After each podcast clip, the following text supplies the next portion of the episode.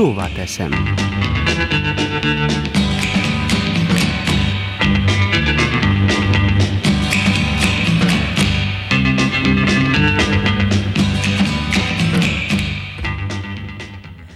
A vidám december ünnepi hangulatának fokozása sem ronthatja el azt a nyugalmat, amelyet a választópolgárok éreznek országunkban.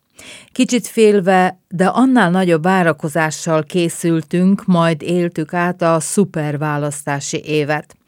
A parlamenti választások hozta fordulatot, az önkormányzati választásokkal járó klisséket és meglepetéseket, az elnök választással az első hölgyet országunk élén, és a végén, desszertként, még jött a hármas referendum.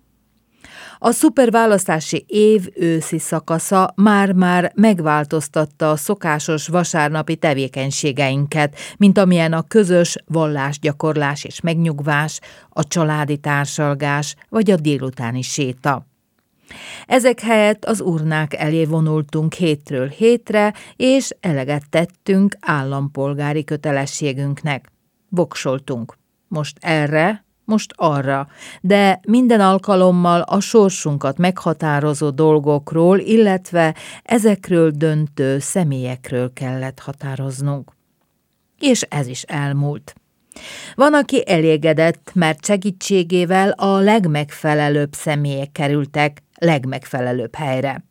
Azok, akik a választási eredményt másmilyennek szerették volna, pedig szintén bíznak abban, hogy a döntéshozó pozícióba kerülők mindenki érdekét, javát és a közös jövőt fogják szorgalmazni politikai tetteikkel. Jogos az elvárás.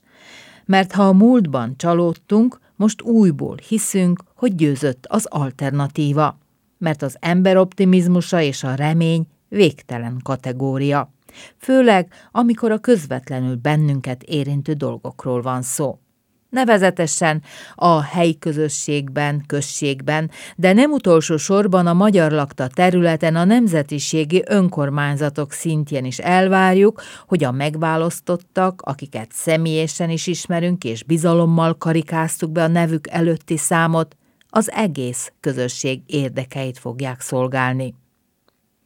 Sajnálatos módon már a legelején vannak sejtelmek, hogy a múltból húzódó politikai, idézőjelben társas játék szabályai nem változtak, csak a játékosok, a bábuk cserélődtek ki. A személyeskedések akár állami, akár helyszinten is változatlanul rontják a közhangulatot. Az egyének érdekei továbbra is felülírják a közösség javát sőt, már a legelején nyakatekert lobbizásoknak vagyunk a tanúi. A pozitív jövőre számító emberek csak hitetlenkedve nézzük és hallgatjuk, hogy a közösség, még ha olyan kicsi is, hajlamosabb a széthúzásra, mint az összefogásra és a közös érdekek megvalósítására.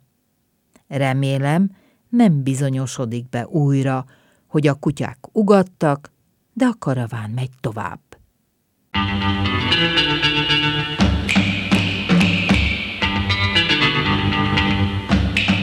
Szóval teszem.